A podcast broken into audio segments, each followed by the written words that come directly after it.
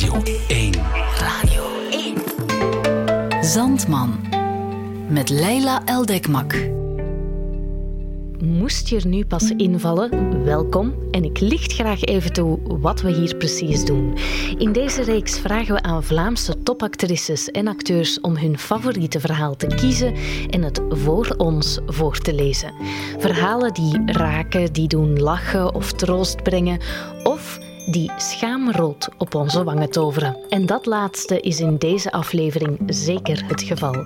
Acteur Stefan de Gant kiest voor Louis Paul Boon en diens Mieke Maikes Obscene Jeugd. Obscene lijkt wel het kernwoord in deze titel, want of het werk nu net grandioze satire of ruwweg vunzige pornografie is, daar zijn we nog steeds niet helemaal uit. Maar wat we wel zeker weten is dat dit verhaal niet is bedoeld voor gevoelige of preutse oortjes. Dit is de iets wat vuile, virale vertelsessie van Stefan de Gant. Zandman. Ik ben Stefan de Gant en ik lees graag voor voor jullie uit Mieke Maikes op jeugd van Louis Paul Boon. Ik ben geïnspireerd door Louis Paul Boon, door de geweldige Wannes van de Velde, waar ik les van kreeg op de studio Herman Terlink. En door hem, door zijn ontmoeting met hem, heb ik het werk van Louis Paul Boon uh, leren kennen. Waarvoor dank Wannes van de Velde. Het verhaal van Mieke Maaike.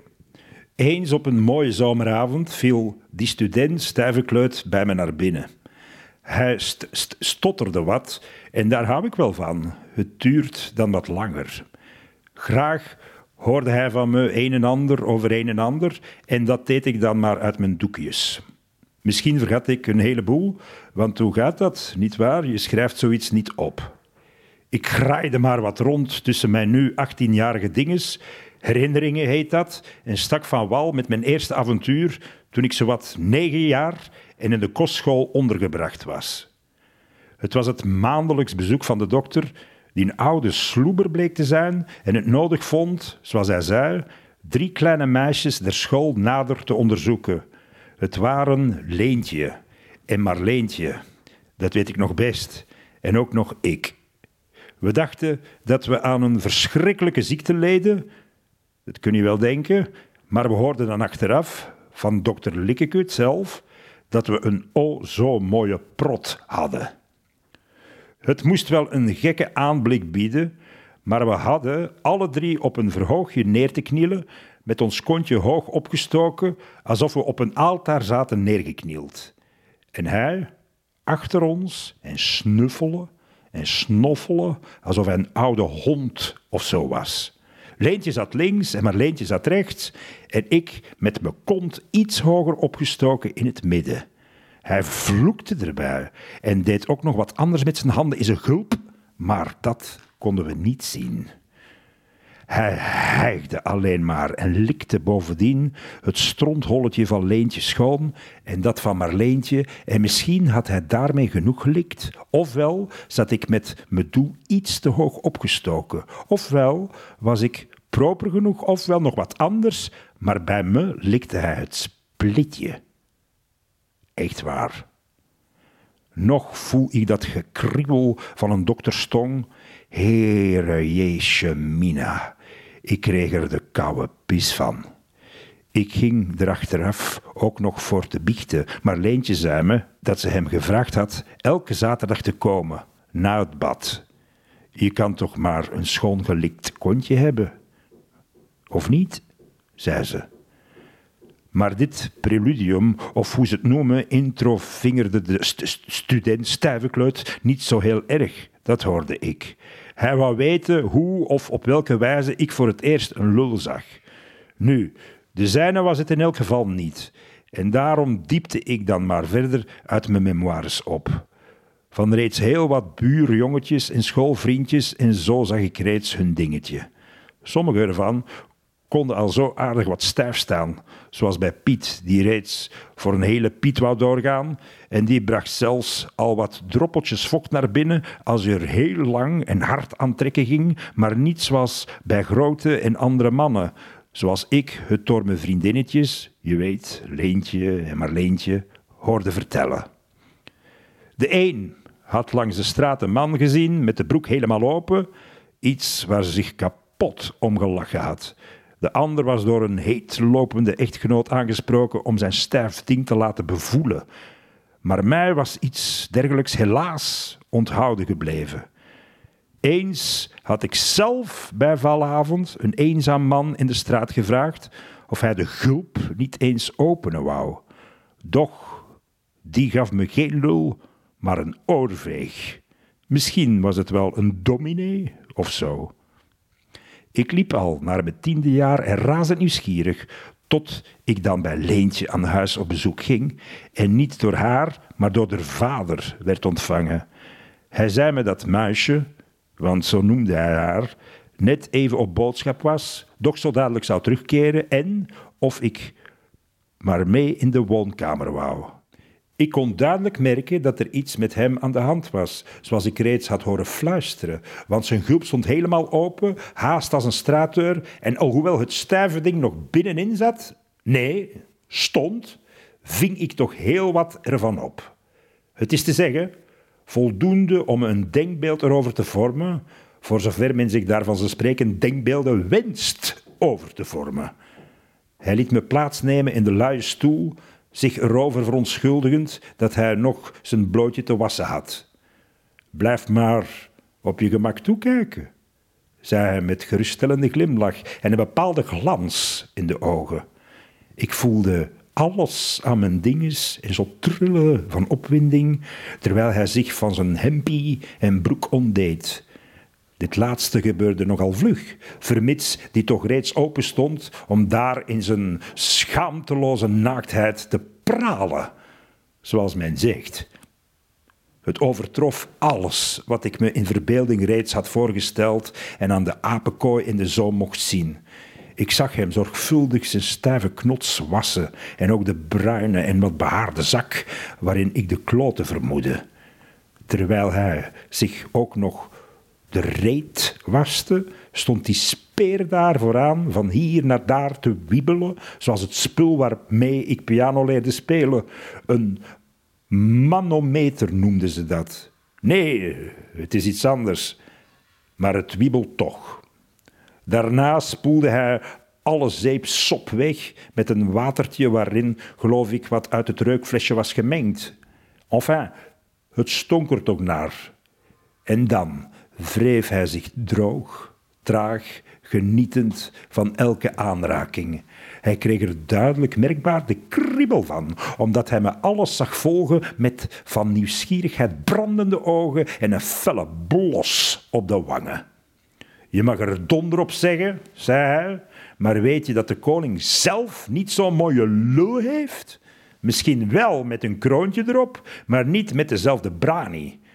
Nu, het was de allereerste keer dat ik zo een zag en vergelijken maken kon ik dus niet. Ik kon alleen nog wat van meer naderbij kijken toen hij zich over me heen kwam buigen om achter mijn rug de kam te zoeken. Even beroerde de paarse knop mijn onschuldig aangezichtje. Ik voelde tegen mijn mond de heetheid ervan en gauw keek ik nog even binnen in de beide nauwe gaatjes. Dicht bij me blijvend zijn roede, ja, zo noemen ze het. Op nog geen handbreedte van mijn ogen kamde hij zich zorgvuldig de baard die hij daar droeg. Het was een heel mooie baard, met allemaal gouden krulletjes, zoals bij onze lieve Heer op de prentjes. Hij bleef me ondertussen toelachen met dat vlammetje in de ogen, dat ik ook reeds bij andere mannen had opgemerkt als die me op de tram of in het warenhuis als toevallig aanraakte tussen de benen. Hij wou ook nog weten hoe oud ik reeds was, wat betekende hoe jong nog, en van aandoening kon ik nauwelijks antwoorden. Bijna tien kreeg ik er tenslotte uit. Hij wou hierop ook nog weten of ik stotterde, maar ik zei nee, het komt door de diepe ontroering. Hij streelde me en zei dat ik nog veel te jong was om de paus in mijn grotje van Lourdes te ontvangen. Hij is veel te hard en stijf voor je. bijt maar eens. Dan zullen jullie wel voelen hoe hard is. Met beide handen mijn hoofdje naar zich toe halend, bracht hij de paarse kop van die staalhete lul tegen mijn lippen aan. Bijt maar, drong hij aan. Ik opende de mond en zette voorzichtig de tandjes erin, alsof het een peperde hotdog was. Maar ik merkte dat het hem helemaal geen pijn deed, maar blijkbaar niet uit te spreken genoegen. En dus beet ik wat harder door. Even liet ik de kop los om toe te kijken. Ik zag de afdruk van mijn tandjes in de paars gezwollen eikel. Bijt. Bijt. Hijgde hij. Hierop greep ik ook nog met beide handjes de klootzak, ja, niet hem, maar die zak tussen zijn benen, bevoelde en betastte die wonderlijke dingen en begon wild en woest overal in de kop van de fluit te bijten. Nu had hij het moeten uitschrijven van pijn, maar hij schreeuwde het integendeel uit van iets wat ik me niet best voorstellen kon. Hij stootte allerlei verwarde kreten uit en ook woorden die ik niet begreep. Oh, ik, ik ga, ik, ik ga schieten, riep hij onder andere. Ik was benieuwd wat dit weer voor iets mocht zijn en of het ook lawaai zou maken. Doch zover kwam het niet. We hoorden de sleutel en het slot van de straatdeur omdraaien. Daar was mijn vriendinnetje Leentje. Muisje dan, terug van de boodschappen. Hij trok alleen de broek aan, waarvan hij niet eens de gulp dicht maakte. De hele tijd bleef hij in de huiskamer rondscharrelen en als muisje niet toekeek, streelde hij telkens in de open broek de fluit, die stijf en dik bleef uitsteken. Ah ja, over de vader van Muisje, Leentje dan, heb ik later nog heel wat meer te verhalen. Maar ik was zowat in bijna elf jaar toen Mams haar vakantie wou doorbrengen in een hotelletje tussen de bossen en plassen. Je weet wel, de vrije natuur. Het had er erg vervelend kunnen worden, want wat heb je aan bossen en plassen? Was mijn andere en iets oudere vriendinnetje Marleentje niet toevallig ook daar geweest? Ook zij was daar met de ouders, waarover ik het niet hebben wil. En we liepen veel, wandelen door die uitgestrekte bossen dan. Kun je meer hebben voor je vakantie, wou Marleentje weten. En toch, ja. Ze lokte me mee naar een nogal afgelegen plas midden dat dorps oerwoud, toonde zich heel erg opgewonden en verwittigde me dat ik zo dadelijk grote ogen opzetten zou. En inderdaad, het gebeurde. Bij de plas aangekomen troffen we een drietal badende mannen aan. Ook die waren er met vakantie. Ze logeerden trouwens in hetzelfde hotelletje en duwden daar graag Marleentje heen en terug op de schommel achter in de tuin. Kinderen moeten immers ook wat hebben. Naar mij, die een pietje jonger was, keken ze een pietje minder om, blijkbaar omdat ze stuk voor stuk getrouwde mannen waren. Doch daar in het heldere water van de plas stoeiden ze nu schaamteloos rond, zoals men zegt, en dan nog zonder zwembroekje of iets anders dat ervoor kon doorgaan, een zakdoekje onder andere. Ze hielden helemaal niets verborgen toen ze ons, kleine meisjes, zagen naderen.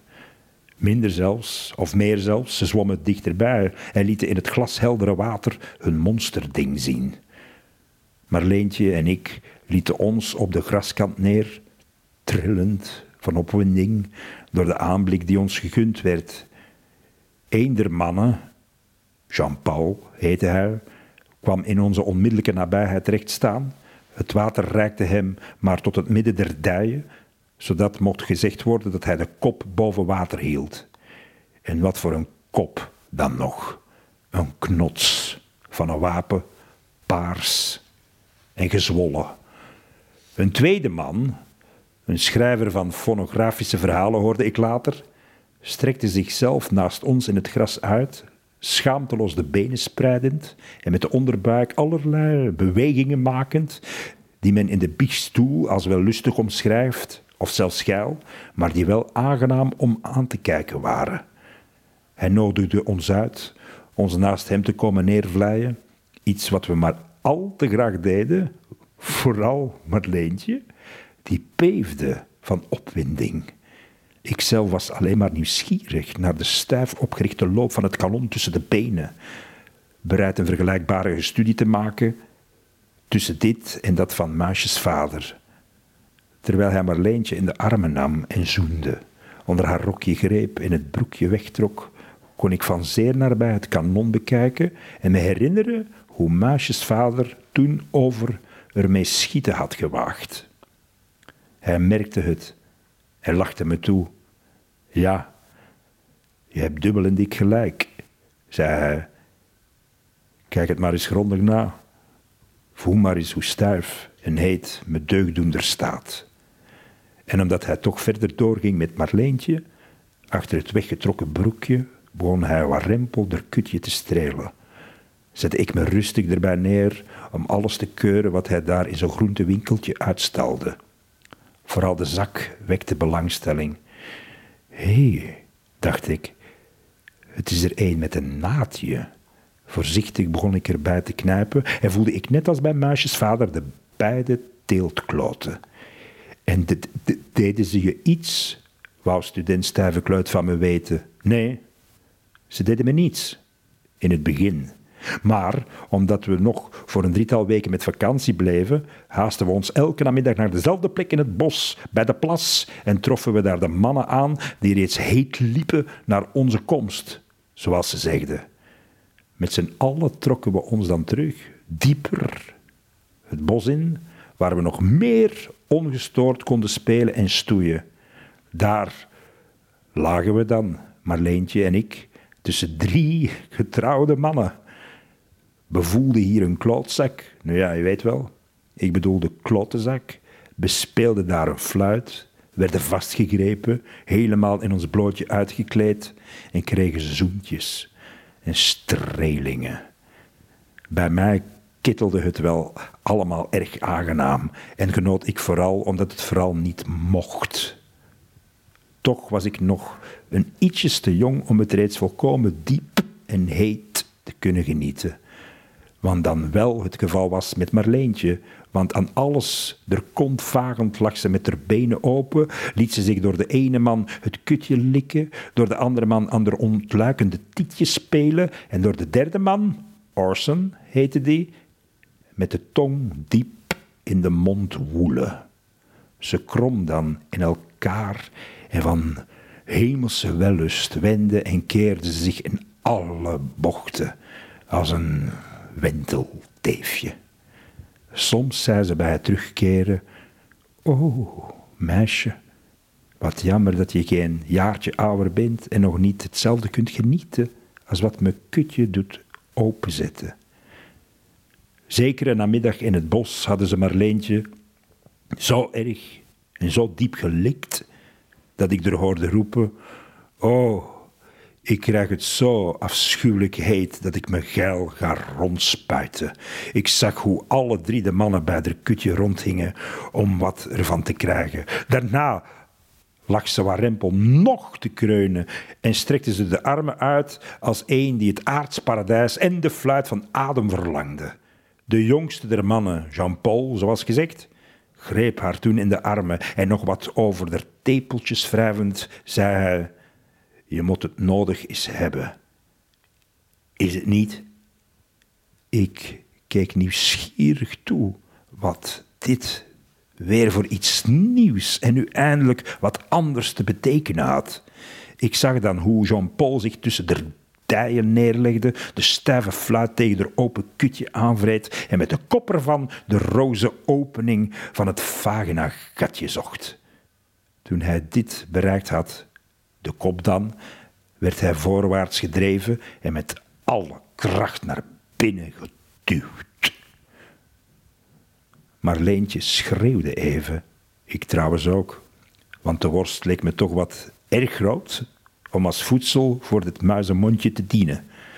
Jean-Paul bleef een hele poos onbeweeglijk, de ganse bedelstaf tot aan de bedelzak in het te kleine kutje, behoed en langzaam begon hij de fluit heen en weer te drijven, zodat de nieuwe kretjes aan de mond van Marleentje ontsnappen. Weldra echter gingen die over in andere kreetjes die me duidelijk maakten dat het kanon van niet zo'n moorddadige aard mocht genoemd. Ik zag haar de armen om de bruingebrande rug van Jean-Paul slaan, hem in wellust krabben alsof ze een poesje was, en hem ook nog haar witte tandjes in de sterke schouders zetten alsof ze een hondje was. Meteen begon ze opnieuw te rillen, terwijl ze allerlei onsamenhangende woorden schreeuwde die ze me ook achteraf niet te verklaren wist. Uiteindelijk lag ze ontspannen neer, volkomen voldaan. Hetzelfde ogenblik verliet de bedelprins het grotje, druipnat van de vochtigheid er binnenin, en spoot hij een papje dat in vlokken tot aan haar borstje sprong, in kleinere vlokken op haar buikje en daarna nog wat druppeltjes in het heel klein beetje dons op haar muisje. De beide andere mannen, Orson en de andere, hadden met glinsterende ogen toegekeken, strekte zich naar Marleentje uit en wilde weten of het de volgende middag hun beurt mocht zijn. Orson bleef een gentleman, zoals de man die zei: Juffrouw, mag ik u even mijn gentleman tonen? En zei: Mag ook ik morgen gebruik maken van je onderlijfje? Maar de andere, de schrijver van fonografische verhalen, zei gewoon: Morgen kruip ook ik eens lekker op jou. En inderdaad, de volgende namiddag was het Orson die zijn roede, zoals men dat noemt, naar binnen dreef, fluisterend. Wie zijn roede spaart, haat lieve leuke meisjes, zoals jij. De derde man, de schrijver nu, bleef naast me liggen. Hij kon maar niet van mijn splitje afblijven gaf er voortdurend zoentjes op, likte het schoon en trachtte met de tong naar binnen te dringen. Alhoewel ik nog niet kon klaarkomen, zoals het in de Bijbel en andere boeken staat, schonk het me toch een vreemd gevoel. Het maakte me zelfs wat duizelig, zoals ik met nogal troebele ogen in een warme en weldoende diepte wegzonk. Ik hou van jou, kleine, lieve hoertje, zei hij. Hou ook even van mij en speel met je kleine poezelige handje mijn fluit af. Ik zit vol zaad dat ik voor jou wil wegspuiten. Ja, zeg, ik was erg benieuwd om lekker dichtbij onder mijn ogen te zien wat die ander over het buikje van Marleentje had gespoten. Ik volgde elke wenk en elke gebruiksaanwijzing nauwkeurig en speelde dus de fluit af. Ik hoorde hem wel lustig hijgen en kreunen, zag hem de buik opspannen en de trompet steeds hoger opsteken. Ik had de indruk of die nog eens zo lang werd, een peerdefluit zoals men dat op familiefeestjes noemt. En jawel hoor, meteen zag ik reeds voor mijn eigen neus het zaad hoog opschieten. De laatste druppels vielen neer op zijn dijen en de rest vloeide traag over zijn kloten, als ik die zo noemen mag. Het mocht jammer genoemd dat mijn vakantie verstreken was en ik Marleentje aan deze drie mannen moest overlaten. Hoeveel had ik immers niet nog kunnen bijleren over het liefdesleven van de mens, zoals men dat in Schunige en andere boekenwinkels te koop ziet liggen? Maar weken later ontmoette ik haar terug in de stad en vertelde ze, met nog steeds een glans in de ogen, hoe fijn het was het zaad van de man in de kut te mogen moeten kunnen krijgen. Ze zei me in vertrouwen, na je heen gaan, maakten ze me alle drie samen zo heet als een oude hoer, zodat ik niet meer wist van welke planeet ik was, en spoten ze me de een naar de ander vol. Het kwam soms nog uit me kut navloeien als ik reeds in het holletje bij mams was teruggekeerd en mijn avondgebedje stortte. Wel, stilaan liep het dan naar mijn twaalfde jaar toe en dacht ik terug aan de drie mannen bij de plas in het bos en hoe echt leuk ik het zou gevonden hebben als ze me nu mijn kutje begonnen te likken. Ook ik zou er nu tenminste wat aan gehad hebben of aan verloren hebben, om de waarheid te zeggen. Ik dacht ook terug aan de vader van Leentje, die wij Muisje noemden. Misschien zou die iets voor zoiets gevoeld hebben. En toen op een zondagochtend een historische stoet zou uitgaan en aan hun straatdeur langskomen, wou ik er aanbellen. Ik had mijn lichtste en kortste kleedje van vorig jaar aangetrokken, iets wat me groei niet meer had kunnen bijhouden en nog met moeite tot onder mijn kont reikte. Vart, dacht ik, en ik speelde mijn broekje ook nog uit, dat ik reeds aangetrokken had. Maar op straat liep ik toch wat rechtop en hield mijn hand tegen de zoom, want daar, zomaar met je kontje blootlopen, geeft geen pas. Muisje was thuis en de paps ook, en ze stelde voor dat we vanuit het bovenraam naar buiten naar de historische stoet zouden kijken. We lagen gebogen over de vensterbank van het open raam, Muisje en ik. De paps was op voldoende afstand gevolgd, want blijkbaar wou hij me te korte kleedje even lekker op snee nemen. En ja, in plaats van naast ons aan het raam te leunen, zette hij zich nog wat neer op een net gepast voetbankje, om zoveel mogelijk te kunnen opvangen van het weinige wat onder de opstekende rand van mijn kleedje verborgen bleef. Misschien dacht hij wel mijn witte broekje of zo te zien, dat misschien iets te klein kon zijn en misschien in de split iets van mijn kutje kon tonen. Maar tot zijn hemelse genade, zoals hij zich later uitdrukte, ontdekte hij daar niets van een broekje en net alles van de rest. Hij wou rustig het zijne van meedragen, dat merkte ik wel, want hij verliet het voetbankje en zette zich gewoon op de hurken neer, met de neus onder mijn kleedje. Nu, we schoten lekker op, vond ik. Ik boog me nog wat dieper uit het raam naar buiten en zette de benen wat open om meer steun en zo te krijgen. Zo kon hij niet alleen mijn kont, maar ook nog, als hij wou, mijn kutje zien dat als een gebarsten perzik met dons bezet was geraakt. Zijn fluit moet erbij opgesprongen zijn van vreugde, met zaad dat hij van pure opwinding zomaar meteen had kunnen verliezen. Tja, en dan kwam hij dicht naast me uit, het venster naar buiten leunen, om de straat in te kijken naar de optocht die zo dadelijk moest langskomen. Ik voelde zijn hand onder mijn rokje glijden, zorg ervoor dragend niet al brutaal op te treden, want zo was hij, die vriendelijke man. Hij legde gewoon, bijna alsof het toevallig bij toeval gebeurde, de hand tegen mijn bil aan en liet ze daar rusten. Ik bleef toekijken naar wat op straat gebeurde en gaf aan zijn dochtertje, Maasje, commentaar erop. Zijn gland gleed hoger en bevoelde de ronding van mijn kont. Eerst nog voorzichtig genoeg, dan de beide helften van mijn volle maan bevingerend en betastend, haast als een ruimtevaarder die er geland was. Nog steeds liet ik niet in het minst blijken me bewust te zijn van een en ander. Kijk daar even, wat een mooi versierde wagen, zei ik tot Muisje, me nog iets dieper vooroverbuigend. Met de vinger volgde hij me reet tussen de beide halve bollen in. Hij tastte me hele reet af, bleef aan het strontholletje haperen en streelde daar een hele poos het voor hem misschien lieflijk aanvoelend grotje. Het werd me haast onmogelijk zomaar te blijven doen of ik me van niets bewust was, maar het spelletje leek me zo mooi.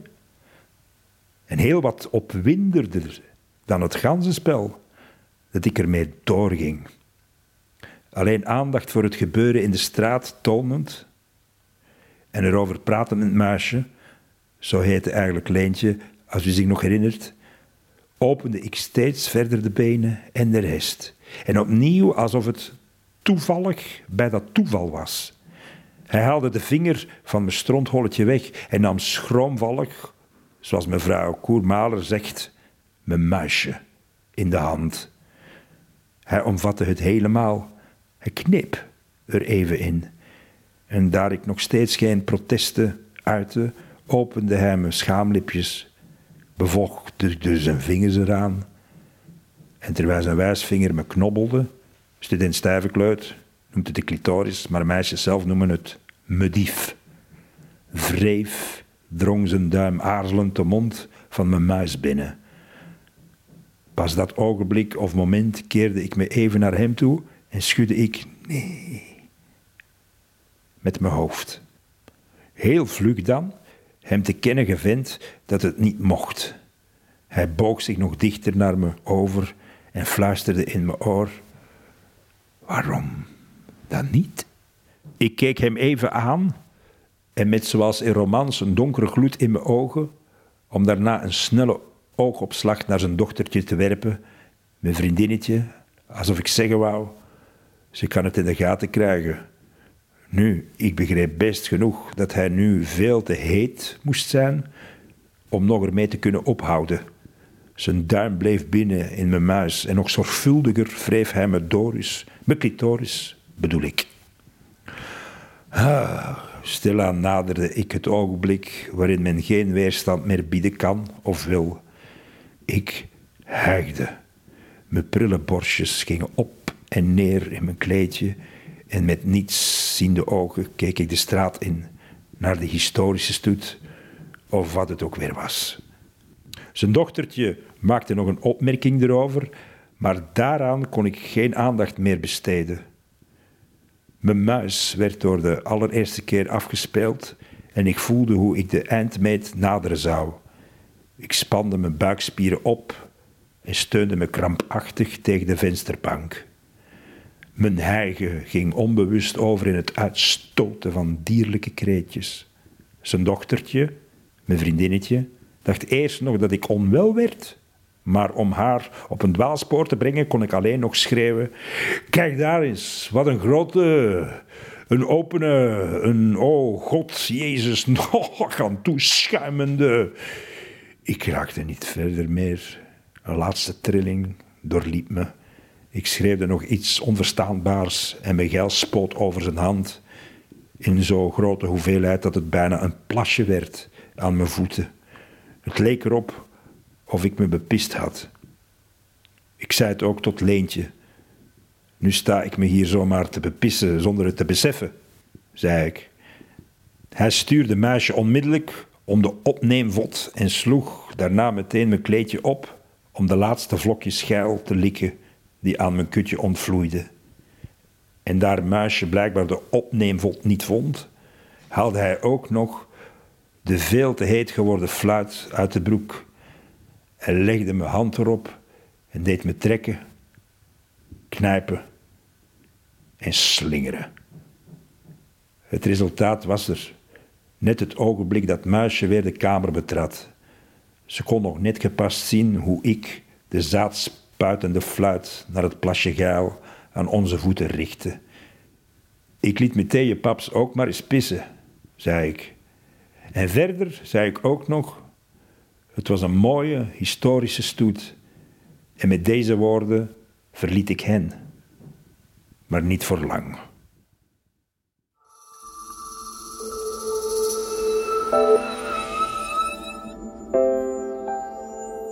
Zandman. De mooiste verhalen voor het slapen gaan. Dit was Mieke Maikes obscene jeugd van Louis Paul Boon, gekozen en heerlijk voorgelezen door acteur Stefan de Gant. Als je een koude douche wilt nemen, dan kan dat nu. Deze reeks is een onderdeel van het Radio 1-programma Zandman. Meer info vind je op onze website radio1.be. En in de volgende aflevering is het aan acteur Damian de Schrijver. Hij kiest voor de auteur die zwartgalligheid tot kunst verhief en die al twintig jaar zijn compagnon de route is. Ik heb het over de Oostenrijkse schrijver Thomas Bernhard.